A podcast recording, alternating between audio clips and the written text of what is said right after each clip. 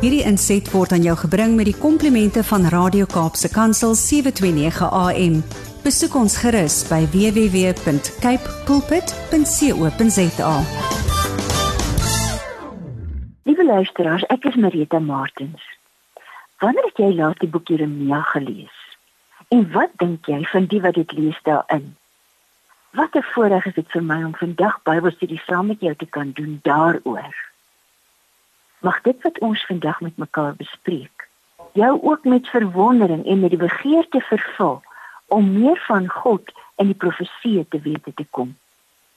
Mag vandag se Bybelstudie 'n hele paar nuwe insigte vir jou bring en jou verras en jou gedagtes sommer ure lank vul. Want so dit met my gebeur en ek gun jou dit van harte. Jeremia het net een pet oorgehou een kap, een pet. Kom ons lees eers die teksvers, Efesiërs 2:20. Julle is 'n gebou wat opgerig is op die fondament van die apostels en die profete. 'n Gebou waarvan Christus self die hoeksteen is. Romeine 15:4. Alles wat vooraf in die skrif opgeteken is, is tog opgeteken om ons te leer, sodat ons deur die standvastigheid en bemoediging wat die skrif ons gee, vol hoop sal wees. 2 Timoteus 3 vers 16 en 17. Die hele skrif is deur God geïnspireer en het groot waarde om in die waarheid te onderrig, dwaaling te bestry, verkeerdhede reg te stel en 'n regte lewenswyse te kweek, sodat die man wat in diens van God staan, volkome voorberei en toegerus sal wees vir elke goeie werk. En so is dit met die verhaal, die ware geskiedenis van die Ou Testamentiese profeet Jeremia wat geleef het tussen 627 tot 580 voor Christus. Wie se bediening in die koninkryk van Juda, die suidelike koninkryk, die twee-stamryk met Jerusalem as hoofstad was. John Bright, 'n uitmuntende teoloog, begin sy kommentaar op die boek Jeremia met 'n kardinaal belangrike stelling. Nou gaan ek eers iets sê wat nie John Bright sê nie, wat ek self sê. Paulus begin al sy sentbriewe ook met 'n kardinaal belangrike stelling. Paulus was geleerd. Hy het onder Gamaliel studeer. Hy het dubbele burgerskap gehad. Ons kan mos lees wat er aan analitiese denkery was. Maar elke geskrif begin met een spesifieke bekendstelling. Dis nou Paulus. Romeine 1 van Paulus, 'n dienaar van Jesus Christus, geroep om apostel te wees afgesonder vir die evangelie van God. 2 Timoteus 1 van Paulus, 'n apostel van Jesus Christus, deur die wil van God, gestuur om die belofte te verkondig van die lewe in Christus Jesus. Titus 1 vers 1 van Paulus, 'n dienaar van God en 'n apostel van Jesus Christus. Ek het die opdrag ontvang om die uitverkorenes van God te lei tot die geloof en tot kennis van die waarheid. Die waarheid wat lei tot die diens van God. Paulus was baie dinge. Hy het baie pette gehad wat hy kon opsit. Maar alle ander pette is weggegooi. Paulus was 'n dienaar, apostel en geroepene van Christus om die evangelie te verkondig. John Bright vestig die aandag op al die pette wat Jeremia weggegooi het. Jeremia van Anatot het groot geestelike insig en diepte gehad. Hy was een van die groot figure in die geskiedenis van Israel. 'n Begaafde digter, dapper, passievol en deur en deur menslik en emosioneel uitsonderlik. Maar al die pette is weggegooi. Jeremia was 'n profeet. Die profete van Israel moes gebeurtenisse in die nabye en verre toekoms aankondig en dit moes aangekondig word in die woorde wat God vir hulle gegee het. Hulle moes sonde en ongeregtigheid in die maatskaplike lewe van die volk uitwys, maar hulle was nie rebelle nie. Hulle was nie revolusionêre nie. Hulle was profete. Hulle woorde was die woorde van God en hulle moes wag dat hy dit tot uitvoering bring. Die profete was nie net sensitiewe mense met diep empatie vir hulle medemens nie die hand van die Here was op hulle en hulle het geen ander opsie gehad as om woordeliks te verkondig en aan te kondig wat hy sê nie. Hulle moes die beker wat die Here na hulle uitgehou het, die beker met die aankondigings van sy toorn by hom vat en dit na die nasies na wie die profeet stuur uithou om te drink. Jeremia 25 vers 17. Ek het die beker uit die hand van die Here gevat en al die nasies na wie hy my gestuur het, laat drink. En dit is die verskil. Die boek Jeremia is nie 'n karakterstudie van 'n merkwaardige man nie. Dit is 'n boek met die woorde van God daarin, soos aan die profeet gegee om te gaan aankondig. O ja, ons vind die verhaal van Jeremia daarin, die profeet vir wie ons assosieer met diep innerlike worsteling, met ontsteltenis, met persoonlike swaar kry en boodskappe van God waarvan die hedendaagse mens net mooi niks hou nie. Hierdie woorde van God aan Jeremia is die wil van God en onder inspirasie van die Heilige Gees vir ons geboekstaaf en as erfposie van God vir ons en ons nageslag bewaar. Hoekom? Sodat ons die wese van God beter in die boek Jeremia kan leer ken. Ons kom ons agter hoe mense is wanneer ons hulle hoor praat. Ons leer mense soms binne oomblikke ken deur net te luister hoe hulle ander aanspreek, hoe hulle ander inklim. Hoeveel selfbeheersing of gebrek daaraan. Hoeveel liefde, deernis, veroordeling of wat daar ook al in hulle woorde is. Ons leer God beter ken deur die woord wat van hom as spreker kom.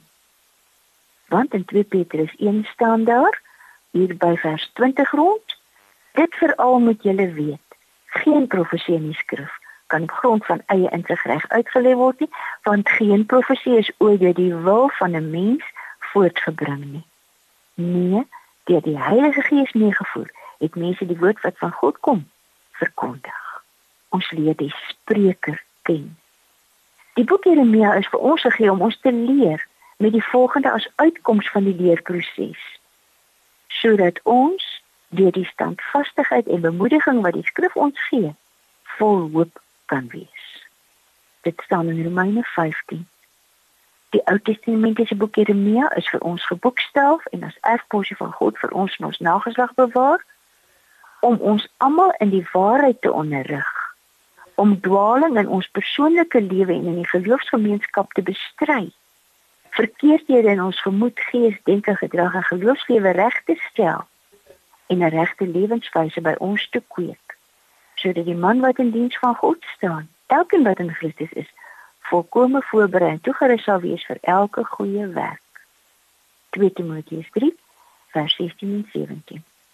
Ons lees dan nou vandag uit Jeremia 9 vers 1 en ek gaan dit eers in 'n paar vertalings lees en dan lees ons verder Jeremia 9, 'n paar stukkies daaruit. Jeremia 9 vers 1. Ag, was my kop maar vol water en my oë fontein met trane. Dan sou ek dag en nag huil oor my volksgenote wat gesneuwel het.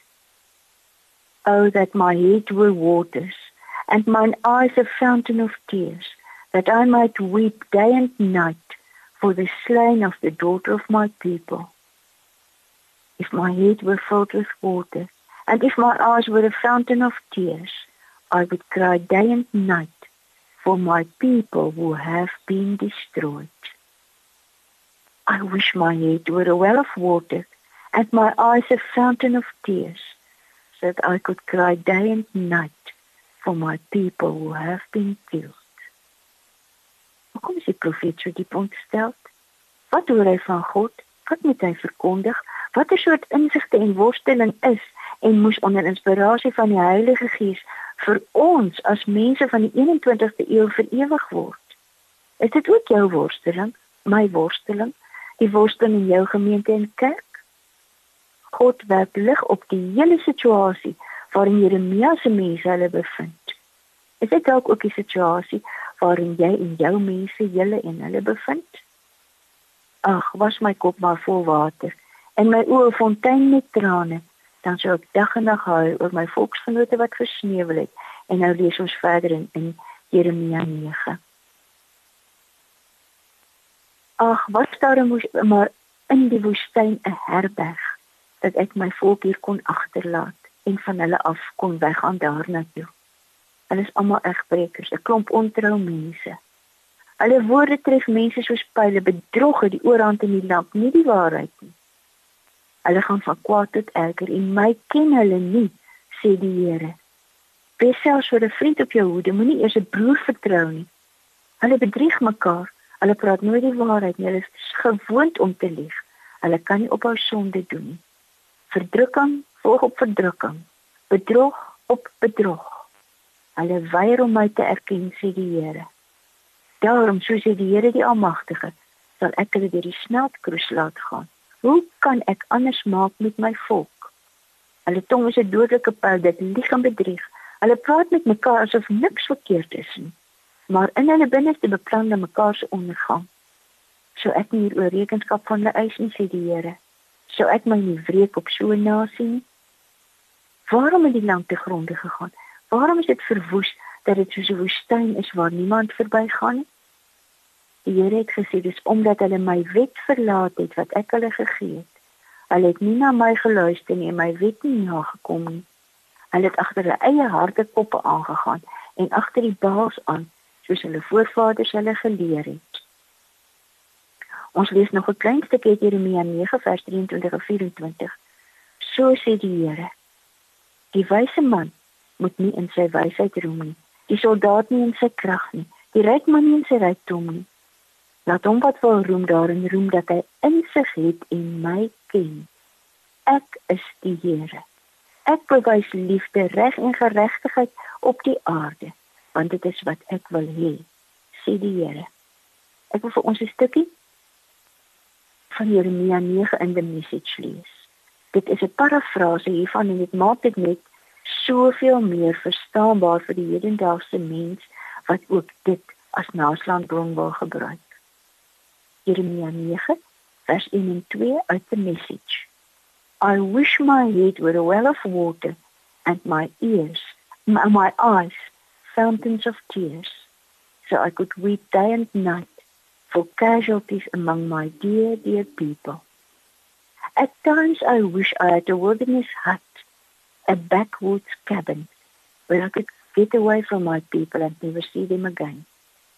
They are a faithless, feckless bunch, a congregation of degenerates. Therefore, God of the angel armies, God of the heavenly hosts, says, Watch this. I'll melt them down and see what they're made of. What else can I do with a people as wicked as this? Do you think I'm going to stand around and do nothing? Don't you think I'll take serious measures against a people like this? I'm going to make Jerusalem a pile of rubble, fit for nothing but stray cats and dogs. In die Afrikaanse nuwe vertaling staan jakkalse. I'm going to reduce Judah's towns to piles of ruins where no one lives. En nou praat die profeet Jeremia. I asked, is there anyone around bright enough to tell us what's going on here? Anyone who has the inside story from God and can let us in on it? Why is the country wasted? Why no travelers in this desert? God answered, Because they abandoned my plain teaching. They wouldn't listen to anything I said, refused to live the way I told them. Instead, they lived any way they wanted. And this is the consequence. Daar's baie valse profete in Israel. Daar's baie profete in ons wêreld ook. Hoe weet ons dan dat wat ons pas gelees het werklik van God gekom het? Die egtheid van elke profesie word geverifieer deur die vervulling daarvan, die letterlike vervulling. Die egtheid van 'n belofte word gemeet aan die uitvoering daarvan. Die wese van die spreker word gelees in die uitvoering van wat hy sê. Ons lees die boek Jeremia die woorde wat van God gekom het, die woorde wat oorgedra moes word deur 'n profeet. En ons sien in die skrif en die geskiedenis hoe alles in vervulling getree het. Ek kan maar in geskiedenisboeke gaan kyk, buite Bybelse bronne. So is die God vir wie ons in die boek Jeremia leer ken. Die God wat ook in die Bybelbron vir ons wys. Alles het so gebeur. 2 Konings 10 vers 10. erken dan dat nie enkele ding wat die Here oor die huis van Agab gesê het onvervul sal bly nie. Die Here het alles gedoen wat hy deur sy dienaar Elia gesê het. Jeremia Jesaja 45 Ek lê dit af in my eie naam wat ek sê is betroubaar. Dit is 'n woord wat nie onvervul sal bly nie. Vir my sal elke knie buig en my naam sal elke tong 'n eed aflê oor en oor sê Jesus in die evangelies. Markus 13 vers 31. Die hemel en die aarde sal verbygaan, maar my woorde nooit. Matteus 24.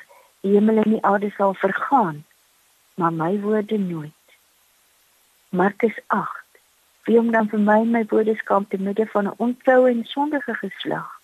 Vir hom sal die seun van die mens hom ook skaam wanneer hy kom saam met die heilige engele en beklee is met dieselfde heerlikheid van sy Vader. Here ons Here. Ons eer U. Die God van die profeet Jeremia, die God van die verbond, die God en Vader van ons Here Jesus Christus. Vervul ons met onuitspreeklike eerbied vir U en gehoorsaamheid aan U woord. Amen. Hierdie inset was aan jou gebring met die komplimente van Radio Kaapse Kansel 729 AM. Besoek ons gerus by www.cape pulpit.co.za.